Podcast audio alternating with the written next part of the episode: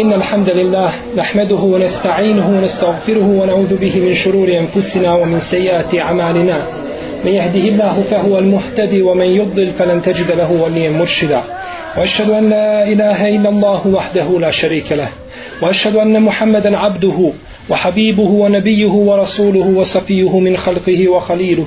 أدى الأمانة وبلغ رسالة ونصح الأمة وكشف الله به الغمة وجاهد في الله حق جهاده حتى يتاه اليقين. يا أيها الناس اتقوا ربكم الذي خلقكم من نفس واحدة وخلق منها زوجها وبث منهما رجالا كثيرا ونساء. واتقوا الله الذي تساءلون به والأرحام. إن الله كان عليكم رقيبا. يا أيها الذين آمنوا اتقوا الله وقولوا قولا سديدا يصلح لكم أعمالكم ويغفر لكم ذنوبكم. ومن يطع الله ورسوله فقد فاز فوزا عظيما. أما بعد فإن أحسن الكلام كلام الله وخير الهدي هدي محمد صلى الله عليه وسلم وشر الأمور محدثاتها وكل محدثة بدعة وكل بدعة ضلالة وكل ضلالة في النار. Cijenjena moja braća u uzvišenoj vjeri Islamu, uzvišeni naš gospodar Tebareke wa ta'ala je objavio ovu vjeru svome poslaniku sallallahu alaihi wasallam i učinio od nje sastavne dijelove imanske i islamske kako su to podijelili islamski učenjaci. Najvrijedniji taj islamski ili praktični šart i uvjet za valjano vjerovanje jeste namaz. Nema vrijednijeg obreda u islamu, niti vrijednijeg postupka koga čovjek može učiniti na dunjalu kod namaza.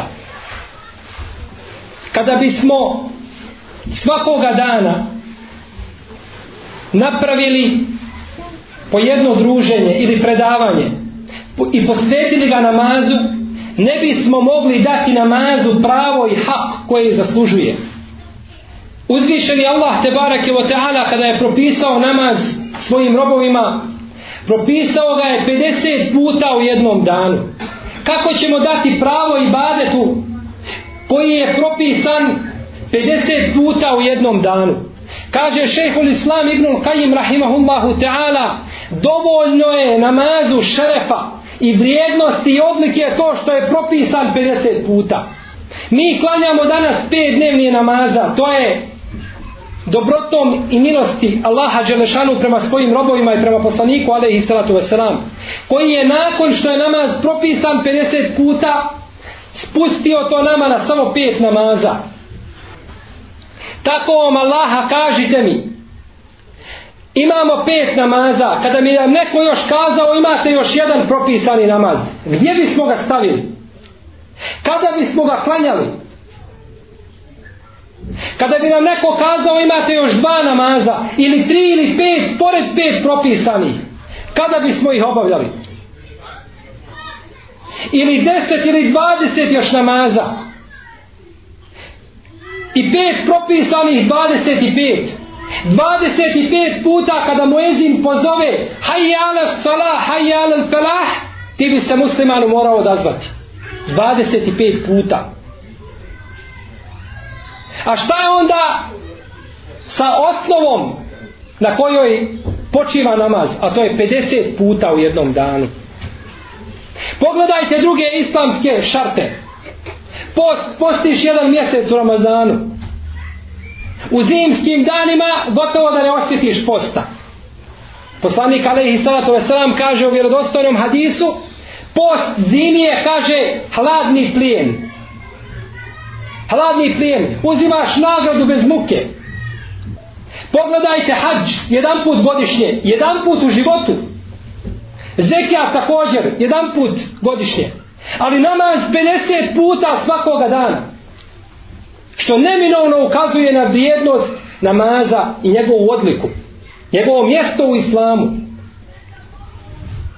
Kaže poslanik sallallahu alaihi wa alaihi wa sallame u hadisu koga bideži imam tirmizi en nesai ibn mađe i drugi sa vjerodostojnim lancem pronosilaca po ocjeni imama Tirmizije i šeha Albanije Ra'sul amri al-Islam amuduhu as-salah wa الجهاد al-jihad glavna stvar i najbitnija stvar za mu'mina vjernika u njegovom životu je namaz. Glavna stvar za čovjeka je islam. A stup tog islama i te vjere je namaz. A vrhunac tog imana islama je džihad borba na Allahovom putu u amuduhu sala i namaz je stup vjere došao je ovaj hadis u drugim oblicima pa bilježi imam Bejheki u šu'bul imanu od Omara radijallahu ta'ala anhu da je kazao es salatu imadu din jeli da je od poslanika to prenosi. Namaz je stup vjere. No, međutim, ovaj hadis nije vjerodostojan. Pa bilježi ponovo Ebu Nuaym, El Fadl ibn Dukein, El Asbehani, u svome dijelu Es Salah, koji je umro 430. hijđarske godine, da je poslanik rekao ovdje Es Salatu Amudu din. I opet je ovaj hadis nije ispravan. Jer je došao putem Bilala ibn Jahje kao Mursel. S prekinutim lancem prenosilaca. I bilježi ga je Dejlemi u svome musnedu, musnedu Fideus, od Alije radijallahu anhu da je poslanik rekao es salatu imadul iman. Da je namaz, da je to stup imana. No međutim i ovaj hadis nije pouzdan. Ispravan hadis u ovome smislu jeste Rasul emri al islam u amuduhu salat. Amuduhu sala, namaz, stup vjere, stup na kome počiva vjera. Zamislite jedan objekat koji počiva na jednom stubu. I kada bismo srušili taj stup ispod tog objekta, šta bi se desilo tim objektom? Nikakve vrijednosti ne bi imao, samo bi imao štetu po ljude. E tako je, braćo, i namaz za vjernika. Takav je namaz u islamu. Stub bez koga ne može čovjek biti pravi vjernik. On je paravan između pravog vjerovanja i nevjerstva. On razdvaja vjernike od nevjernika, kako kaže poslanik sallallahu alaihi wa sallam. El ahdu, alladhi bejna, bejnena o bejnehum us salah, femen terekeha fekad kefar. Ugovor između nas i njih i granica i paravan koji razdvaja nas muslimanje od njih to nevjernika licemjera i munafika je namaz. Temen terake hape kefar ako ostavi taj namaz počinio je nevjerstvo. Namaz stup vjere. Koga uspostavi uspostavio je svoju vjeru a koga sruši srušio je svoju vjeru. I nema vjere. Kaže šejhul islam ibnul Qajim rahimehullahu ta'ala čovjek koji dođe na sudnji dan pred Allaha Đelešanuhu sa svojim islamom sa svojim postom i zekijatom i hađom sa svojom sadakom i dobročinstvom sa svojim odgojom djece i slično tome a ne dođe sa namazom kaže takav mu islam neće pomoći kod Allaha takav mu islam neće pomoći kod Allaha jer je to islam bez namaza Allah Đelešanu ne prihvata takav islam Kako da prihvati uzvišeni Allah te barake wa ta'ala islam bez namaza? Kada je poslanik sallallahu alaihi wasallame kazao u hadisu, koga bilježi imam tirmizi u svome sunenu sa vjerodostojnim lancem prenosilaca, Ewalu ma yuhasebu bihi l'abdu jevme l'qiyameti as salah. Fa in salahat salaha sairu ameli. Wa in fasedet fasede sairu ameli. Prvo zašto će čovjek biti pitan na sudnjem danu je namaz. Prvo pitanje kad staneš robe pred svoga gospodara, Allaha Đelešanu da te obračunava za tvoja djela, bit će namaz. Pa ako bude bio namaz ispravan, ako namaz bude bio ispravan, bit će ispravna i druga djela. Jer namaz čovjeka odvraća u ružnih dijela. Ako čovjek klanja iz dana u dan, a i dalje čini ružna djela, znači njegov namaz nije ispravan. On je od ove skupine. Inne salate tenhanil fahšaju on munkar. Ole zikru Allahi akbar. Wallahu ja'lamu wa tasnaun. Namaz obraća čovjeka od ružnih dijela. Prvo zašto će čovjek biti pitan namaz? Bude ispravan namaz, bit će ispravna i primljena i druga djela. Ako ne bude ispravan namaz, neće biti ispravna i primljena i druga djela. Ovdje se, braće moja, radi o čovjeku koji klanja. On klanja, pa ako mu bude bio ispravan namaz. Jer se ne može kazati za čovjeka koji ne klanja, nije njegov namaz ispravan. Pa on nema nikako namaza. Nego se kaže da namaz nije ispravan onome koji klanja, ali ne obavlja namaz kako ga je obavljao poslanik, alaihi salatu wasalam. Namaz se mora obavljati onako kako ga je Allahov vjerovjesnik obavljao. Sallu kema rejtu muni u salli. Kaže poslanik alaihi salatu wasalam. Klanjajte kako ste vidjeli mene da klanjam. Vidio je Allahov poslanik alaihi salatu wasalam čovjeka kako se navodi kod Buharije i kod muslima. Da je ušao u džamiju i klanjao. Pa je klanjao brzo. Nije upotpunjavao ruku niti seđde. Pa kada je došao poslaniku, poselamio se, kaže mu poslaniku, alejke selam, irđa fa salli fa inneke lem salli kaže vrati se kaže pa klanjaj ponovo ti nisi klanjao. Tvoj namaz nije ispravan. Pa je ošao pa se vratio pa ponovo klanjao pa na isti način pa opet došao poslaniku pa ga poslanik vrati i tako tri puta. Pa je rekao na kraju Allahu poslaniće pouči me ja ne znam.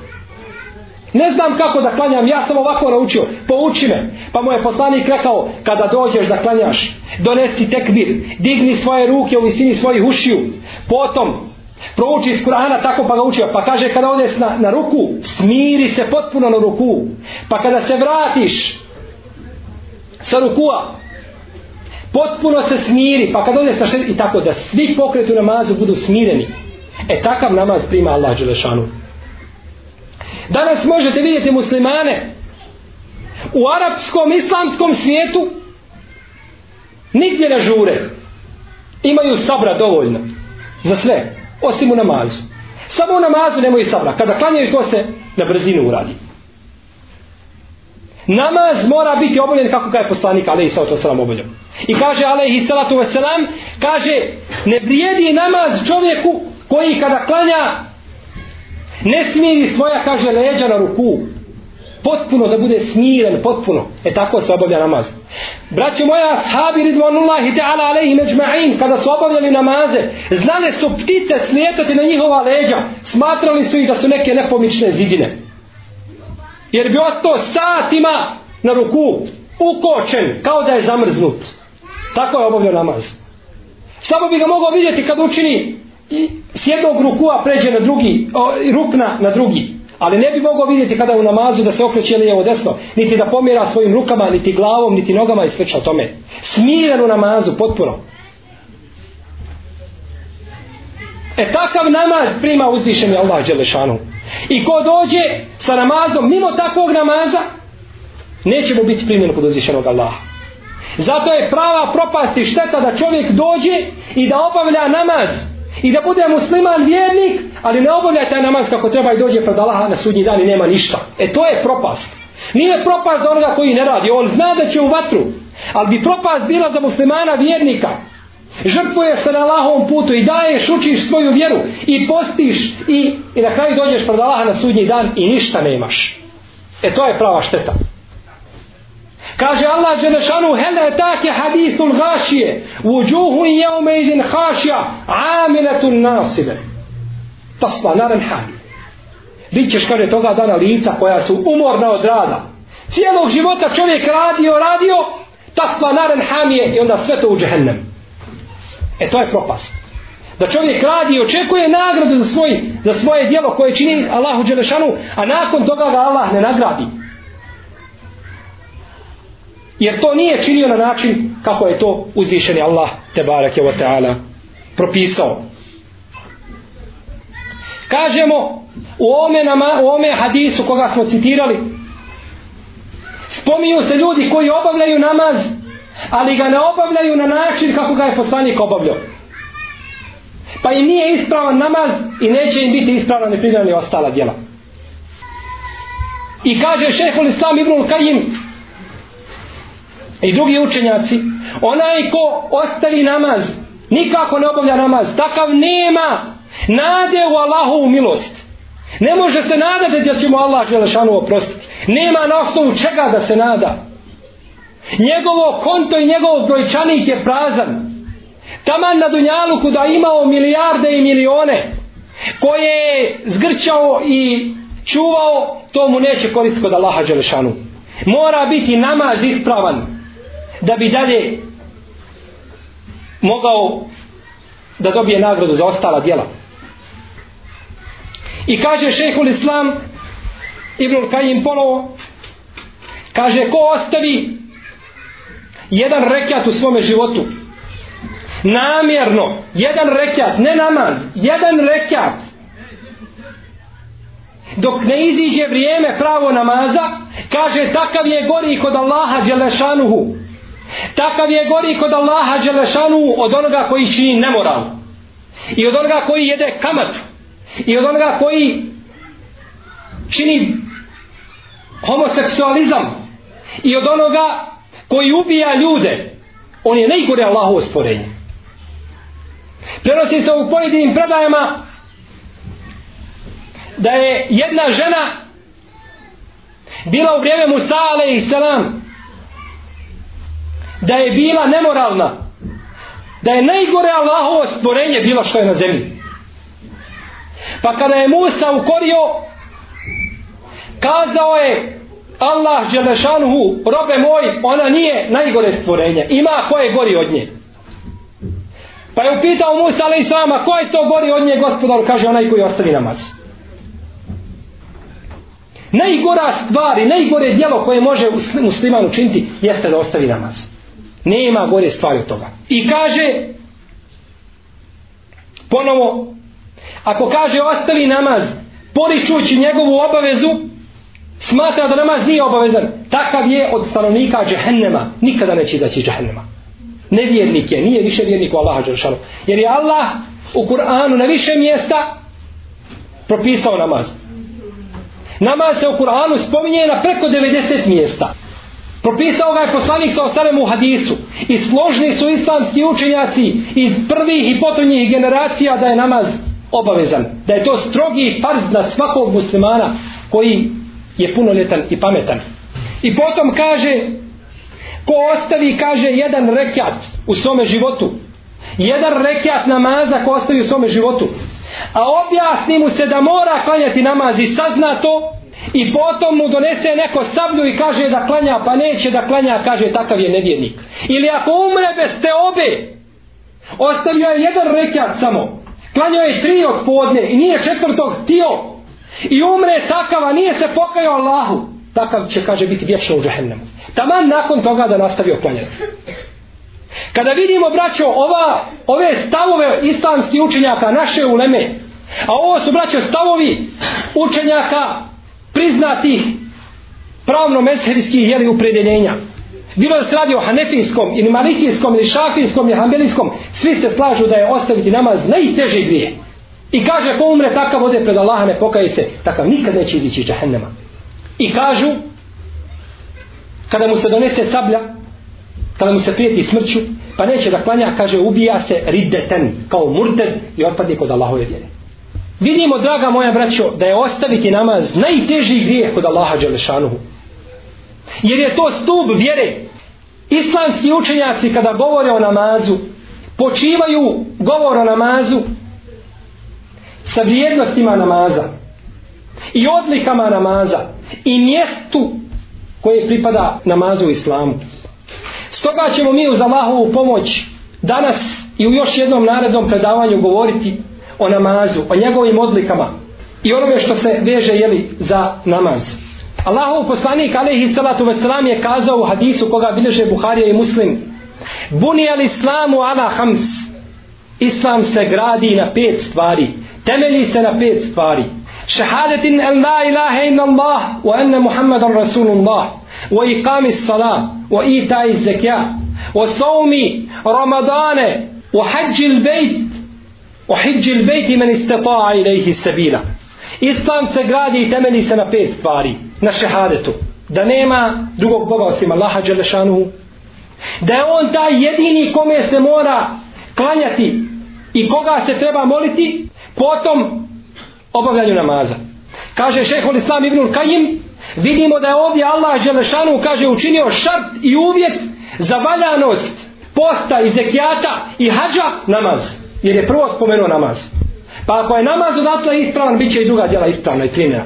A ako ne, onda i neće ni biti primjena od uzvišenog Allaha te barake wa ta'ala. Pa onaj ko dođe po mišljenju Ibnul Kajima, ko dođe pred Allaha Đelešanuhu na sudnji dan bez namaza, kazat će mu se وَقَدِمْنَا إِلَى مَا عَمِلُوا مِنْ عَمَلٍ فَجَعَلْنَاهُ هَبَاءً مَنْثُورًا kako kaže Allah Đelešanuhu u suri Al-Furqan i kaže uzet ćemo dijela onih koji su došli došli su sa svojim dijelima pa ćemo od tih dijela učiniti raspršenu i rasturenu prašinu ništa im to neće biti primljeno مثل الذين كفروا بربهم أعمالهم كرماد اشتدت به ريح في يوم عاصف dijela onih koji ne vjeruju gospodara svoga bit će kao prašina i onaj prah kojim se igra vjetar jaki vjetar i oluja. Nikakve vrijednosti nema. Čas ga vidiš na jednom mjestu čas na drugom.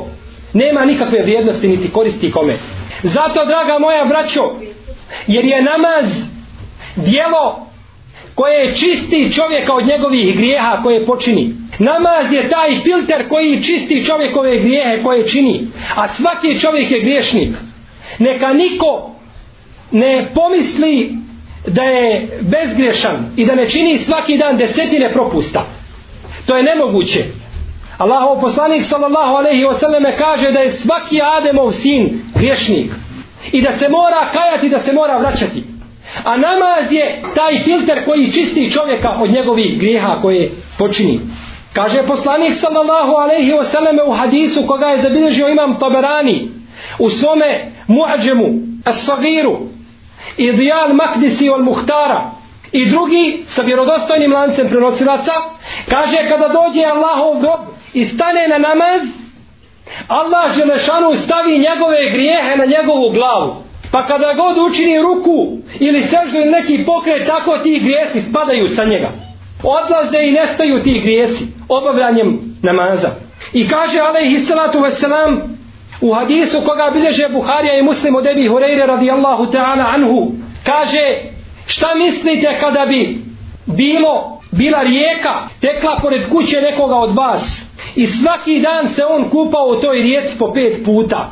Bili moglo na njegovom tijelu biti nešto od ezijeta i nečisti?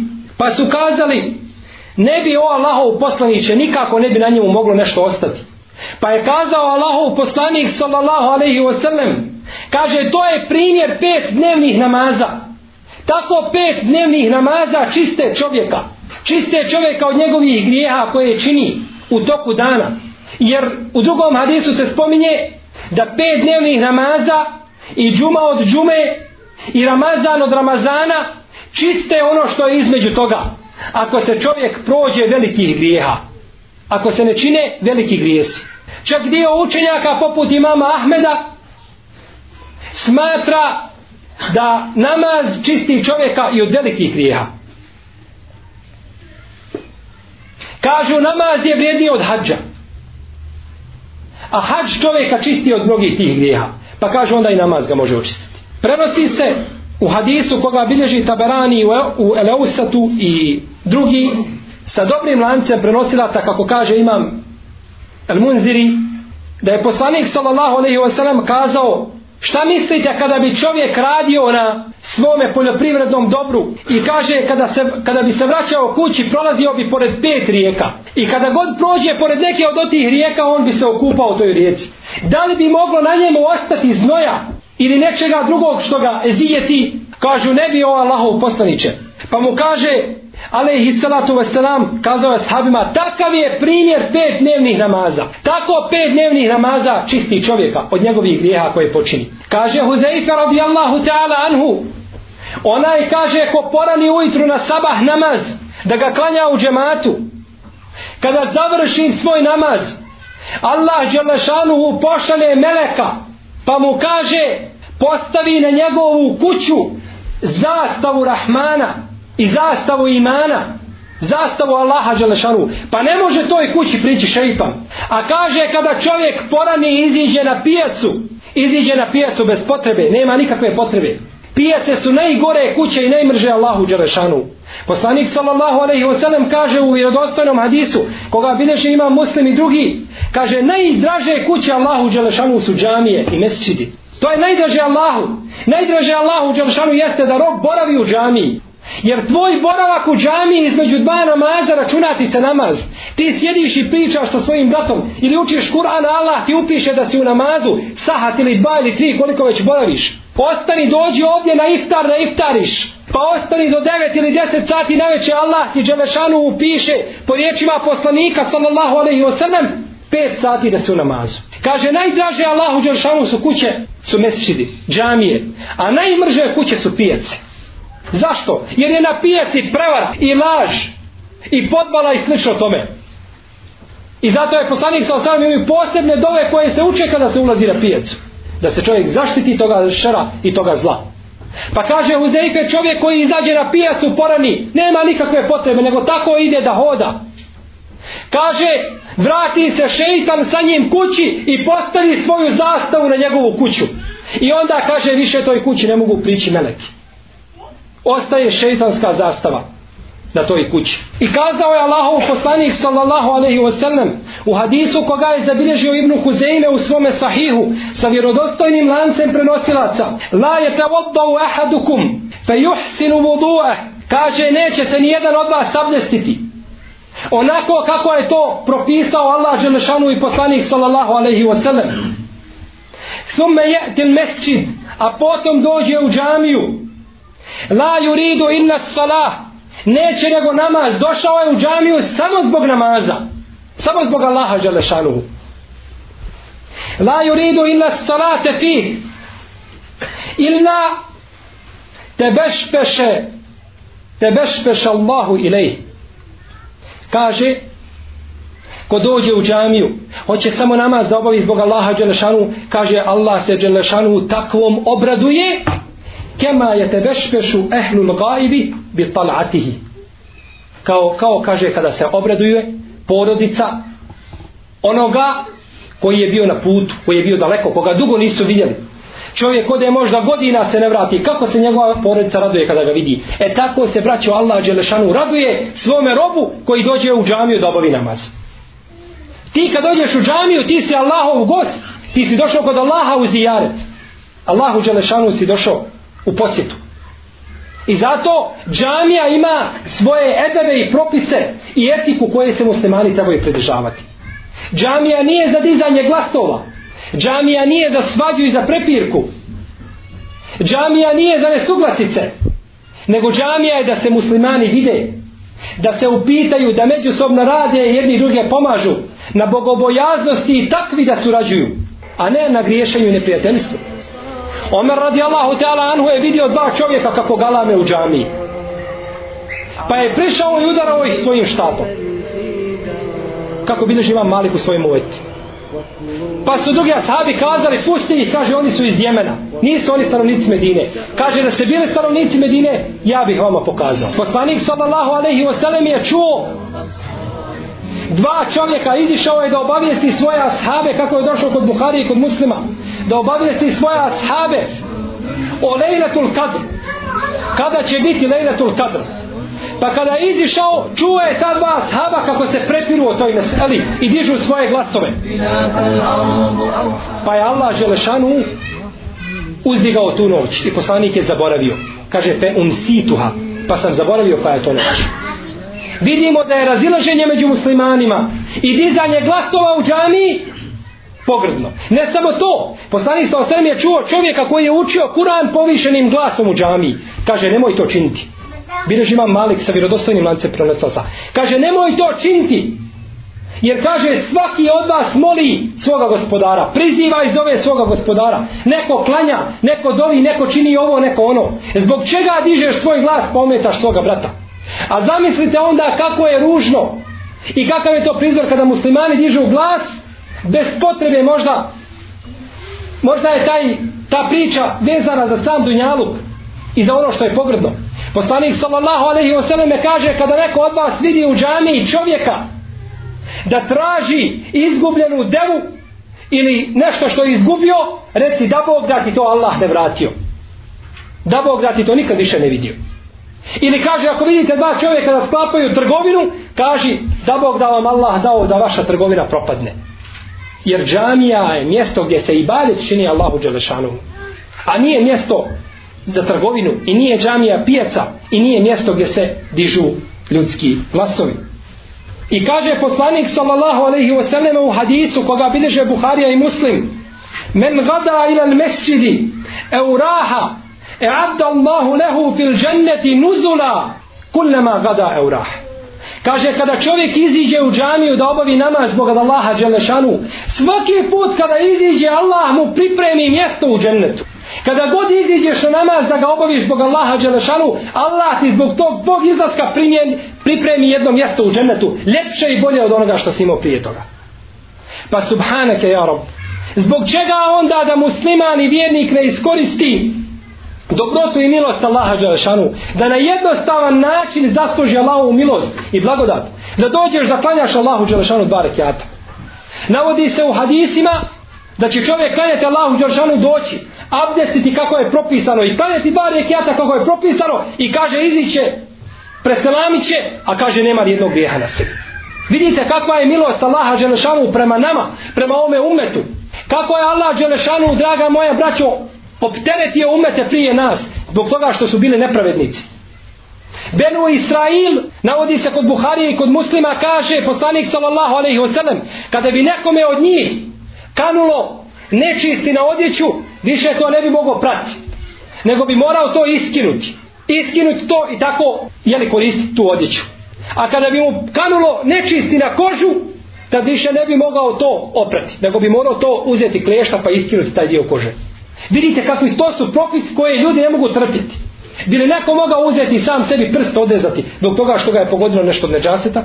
Teški propisi. A nama Allah Želešanu daje da klanjaš dva rekiata kako je propisao Allah Želešanu i da te opusti ono što su činio.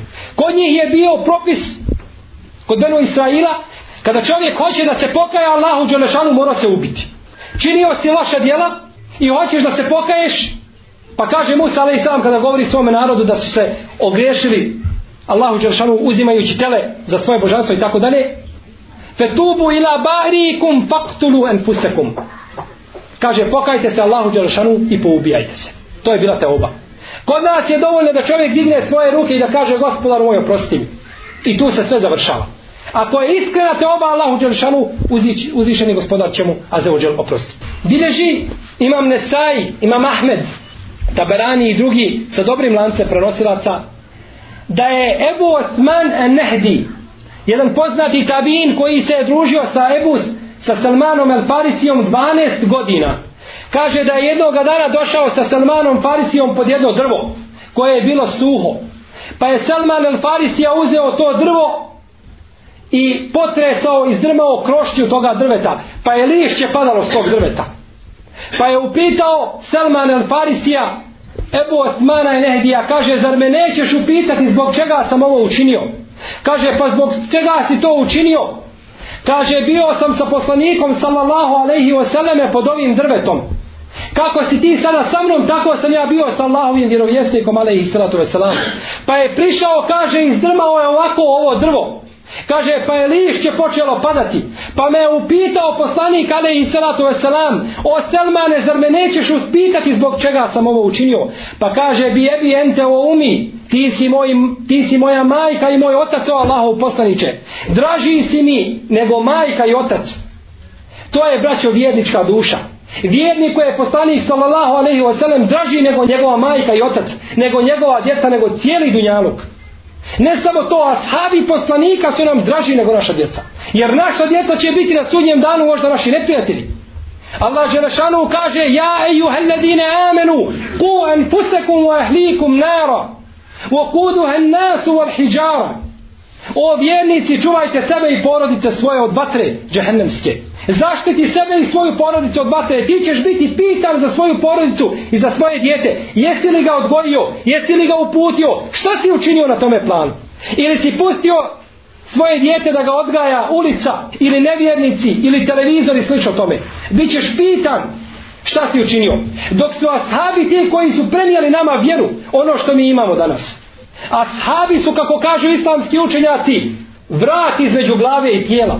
Poslanik sallallahu alejhi ve sellem je glava, a ashabi su vrat, mi smo tijelo. Pa dobro ako su svi ashabi nevjernici ko što tvrde neki koji se pripisivaju muslimanima, ko je nama onda prenio vjeru? Vjera se od nevjernika ne prihvata. Ashabi su ti koji su znači prenijeli do nas vjeru. I oni su nam znači draži onda nego naše porodice. Pa kaže poslanik sallallahu alejhi ve sellem Salmanu Farisi, kaže vidiš li Salmane kada je zdrma ono drvo kako pada ovo lišće? Kaže vidimo Allahov poslaniće. Kaže tako je primjer namaza čovjeka koji stane. Koji, čovjeka koji stane Allahu Đelešanu namaz. Kada stane tako kaže sa njega padaju ovi grijesi kao što vidiš da ovo lišće pada. To je ne samo nam, to je za abdest sam vezano. Poslanik Ali Isalatu Veselam kaže u brojnim hadisima, ko se abdesti kaže kada pere svoje ruke i dijelove tijela kaže ispod kaže njegovih noktiju izlaze grijesi.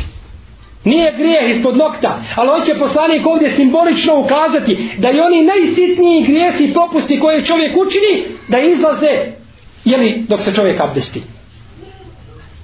To je nagrada, braćo, nama ovome umetu. Možda će neko kazati, dobro, narodi prije nas su živjeli po 900 godina. Nuh Ale Islam je pozivao svoj narod 900 godina. Selman al-Farisija je živio, on je ashab, živio je po konsensusu islamskih učenjaka 250 godina.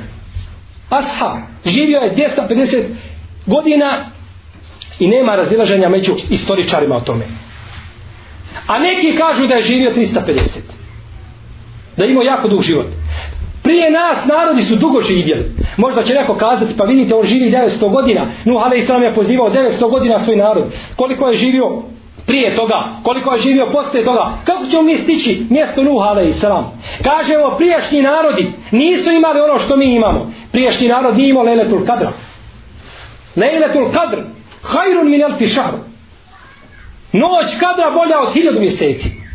Nisu imali namaza kao ovoga što mi imamo. Pa da ti Allah Želšanu zbog njega tvoje grijehe oprosti.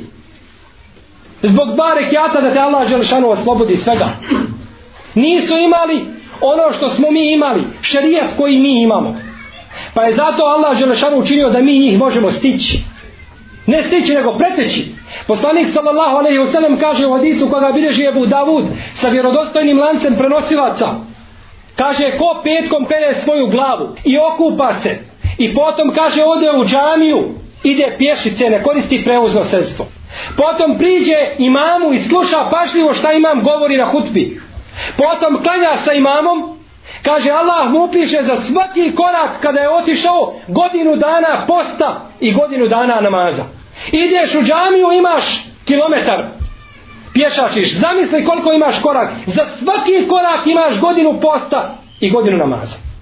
E recite mi sada, oni koji su živjeli prije nas, kada će on moći, pa ti imaš u godini 52 džume, Kada će oni prije nas moći stići da ima godinu namaza i godinu posta? Nikada. To je dobrota koja je data ome umetu. Zato čovjek sa malo dijela može kod Allaha Đelešanu zaraditi puno sevapa.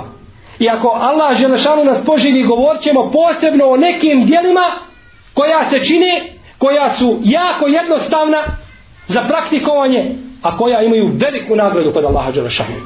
Zamislite samo hadis, braćo, u kome je poslanik sallallahu alaihi wasallam kaže ko posti jedan dan na Allahovom putu Allah kaže udalji između njega i vatre 70 godina jedan dan postiš na Allahovom putu nikakva to tegoba nije. A Allah zbog tog dana udali između tebe i vatre 70 godina.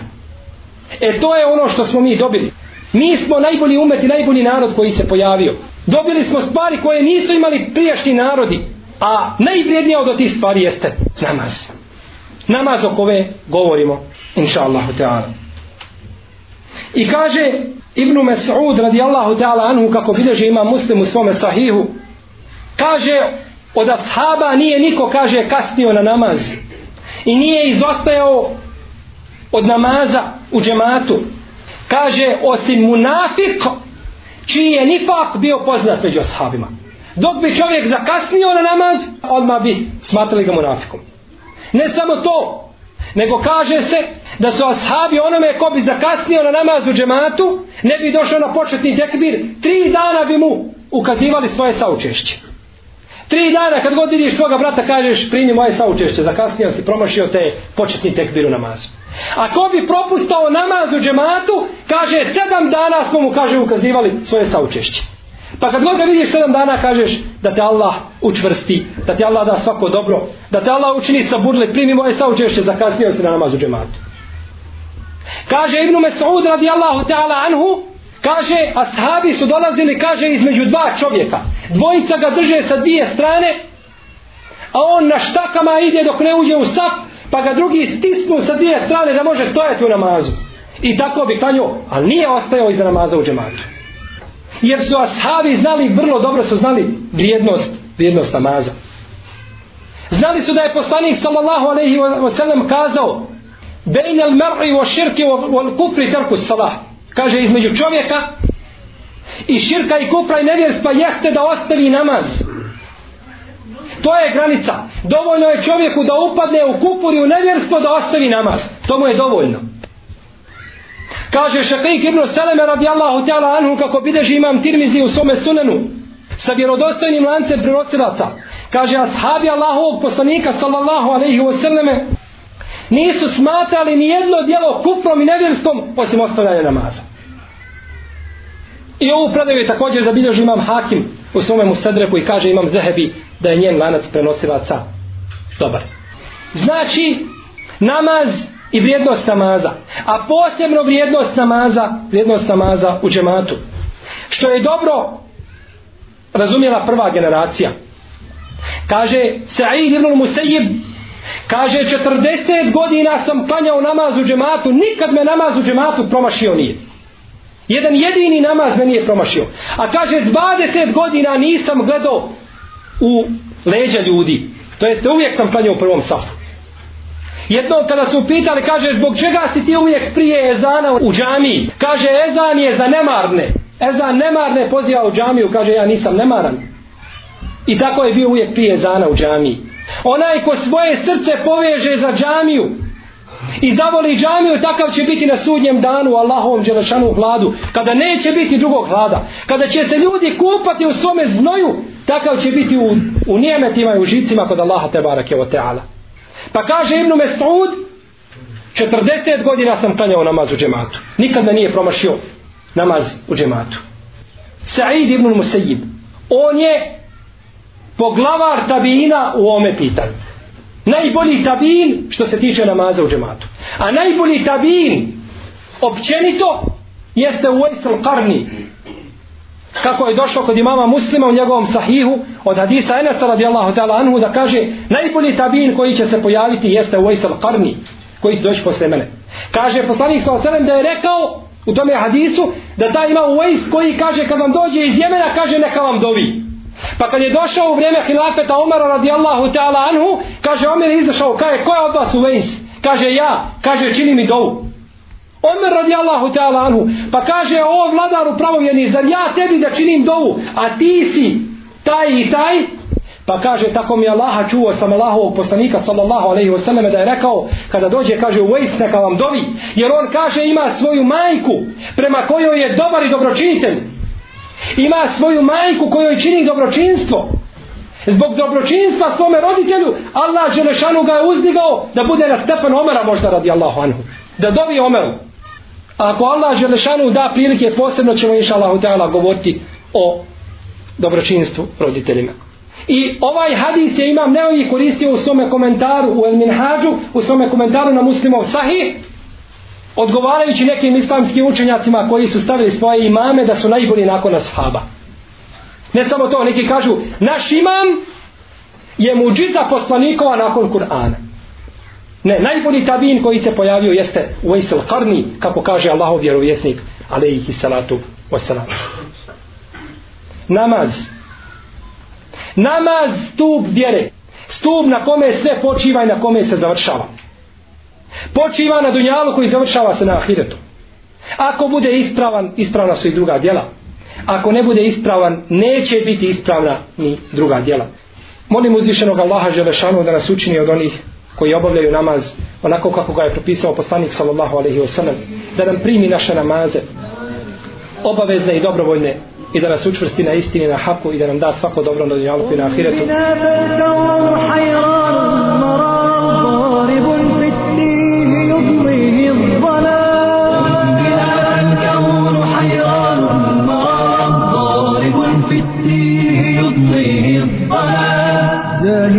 Društvo i zajednica bez namaza i bez akajda i ubjeđenja prvih pokoljenja je kao list koji je, kojim se igra vjetar. Nema nikakve vrijednosti. Pozivanje braća u namaz je pozivanje u džihad. Namaz je jedan od vidova džihada. Kaže Ebu Zer radijallahu anhu kako to bileži Ibn Abdul Ber u svome dijelu džamiju bejani na ilmi o fadlih kaže ko smatra da odlazak u džamiju na propisane namaze nije džihad na Allahovom putu taj je pravi džahil. Taj je prava neznalica. Brojni su hadisi u kojima poslanik sallallahu alaihi wasallame poredi panjača sa muđahidom na Allahovom putu. Kaže alaihi salatu wasalam, hoćete li kaže da vas obavijestim onome zbog čega uzvišeni Allah Đelešanu briše grijehe i diže stepene i deređe svome robu? Pa su kazali ashabi, hoćemo Allaho vjerovjesniče, obavijesti nas o tome. Pa je kazao sallallahu alaihi wasallam, propisno uzimati abdest i koračati praviti puno koraka do džamije i iščekivati od namaza do namaza fezalikum ribat to je kaže ribat to je bdijenje na Allahovom putu pa je to ponovio tri puta bileži imam muslim u svome sahihu i kaže poslanik sallallahu alaihi wasallame čudi se Allah Đelešanu u dvojici ljudi prvom čovjeku koji ustane po noći da klanja Allahu Đelešanu to je prva prepreka koja je spomenuta u ovome hadisu. Da ustane čovjek po noći u prvi onaj mah. Ne čovjek da stavi sebi sat pa da mu sat zvoni dva ili tri sata. Dok se žena na kraju možda ne probudi pa mu ne kaže diš se Allahov robe. Probudio si djecu i slično tome. Već znači u prvi taj mah ustane i klanja Allahu Đelešanu dva rekiata. Možda će ove prepreke biti sačuvan onaj koji nije oženjen ili onaj koga Allah Đelešanu nije obskrbio možda posebno lijepom ženom. Treća prepreka koju poslanik sallallahu alaihi wasallam spominje u ome hadisu jeste da se abdesti hladnom vodom i potom da klanja dva rekiata. To su četiri prepreke. Koji ih prebrodi, slomio je svoju dušu, svoj nefs i slomio je šeitana i njegove osvese. I drugi, znači rekli smo na početku hadisa da se Allah Đelešanu čudi dvojici ljudi. Prvi je ovaj koji je ustao da klanja Allahu Đelešanu. A drugi je čovjek koji je izišao da se bori na Allahovom putu, pa kada je vidio da su njegovi prijatelji, njegovi drugovi i braća muđahidi poraženi, okrenuo se i htio da pobjegne sa bojnog polja. Pa se je sjetio kakva mu kazna pripada od Allaha Đelešanu ako to učini. Pa se je vratio i borio se protiv svoga neprijatelja dok Allah Đelešanu nije odredio da i on pogine na Allahovom putu. Pa Allah Đelešanu kaže, meleki moji pogledajte, ja kaže svjedočim da sam im oprostio. Oprostio je tim robovima. Poredi poslanik sallallahu alaihi ve sellem ome hadisu onoga koji obavlja namaz Allahu dželešanu i onoga koji se bori na Allahovom putu. Jer je namaz i pozivanje u namaz jedan od vidova borbe na Allahom azzevođel putu. Sjetimo se samo onoga ashaba iz priče koju je zabilježio imam Buharija, Ebu Dawud i drugi, kada su jedne prilike izišli sa poslanikom sallallahu alaihi wasallam, pa su ga ostavili da ih čuva, da im bude stražar, pa je prišao jedan od mušrika i gađao ga strijelama dok je on bio u namazu. I više strijela je pogodilo njegovo tijelo.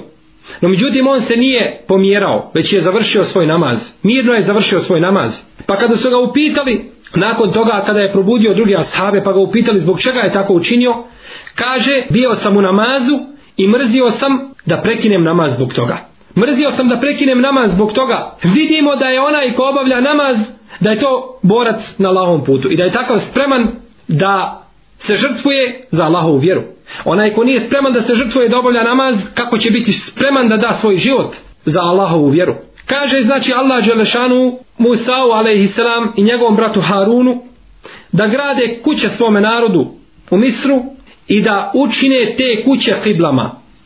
Šta znači ovaj ajet? Razilaze se mu fesiri oko značenja ovoga ajeta pa kažu da učinite svoje kuće kiblama, to jeste da povećate dobrovoljne namaze u svojim kućama. Da klanjate dobrovoljne namaze u kućama, u ajakimu sala i da obavljate namaz, to jeste da obavljate namaz zajednički u džematu. A ti obraduj vjernike. Dobrovoljni namaz u kući. Kaže poslanik sallallahu alaihi wasallam, držite se dobro noćnog namaza. To je, kaže, običaj i to je praksa onih koji su prošli prije vas, dobrih Allahovih robova i time se približavate Allahu Đelešanuhu. On vas priječava od ružnih dijela. I on vam podiže vaše stepene kod Allaha Đelešanu i briše vam vaše rđave postupke. I on vam je zaštita i paravan od bolesti. Neće vaše tijelo pogađati razne bolesti ako budeš Allahu Đelešanu obavljao noćni namaz. Zato je poslanik sallallahu alaihi wasallame draga moja braćo shvatio vrijednost namaza i govorio je hubbi bejleje min dunjakum en nisau o tib وجعلت قرة عيني في الصلاة učinjeno mi je da volim dvije stvari od ovih vaših dunjalučkih stvari. Žene i mirise.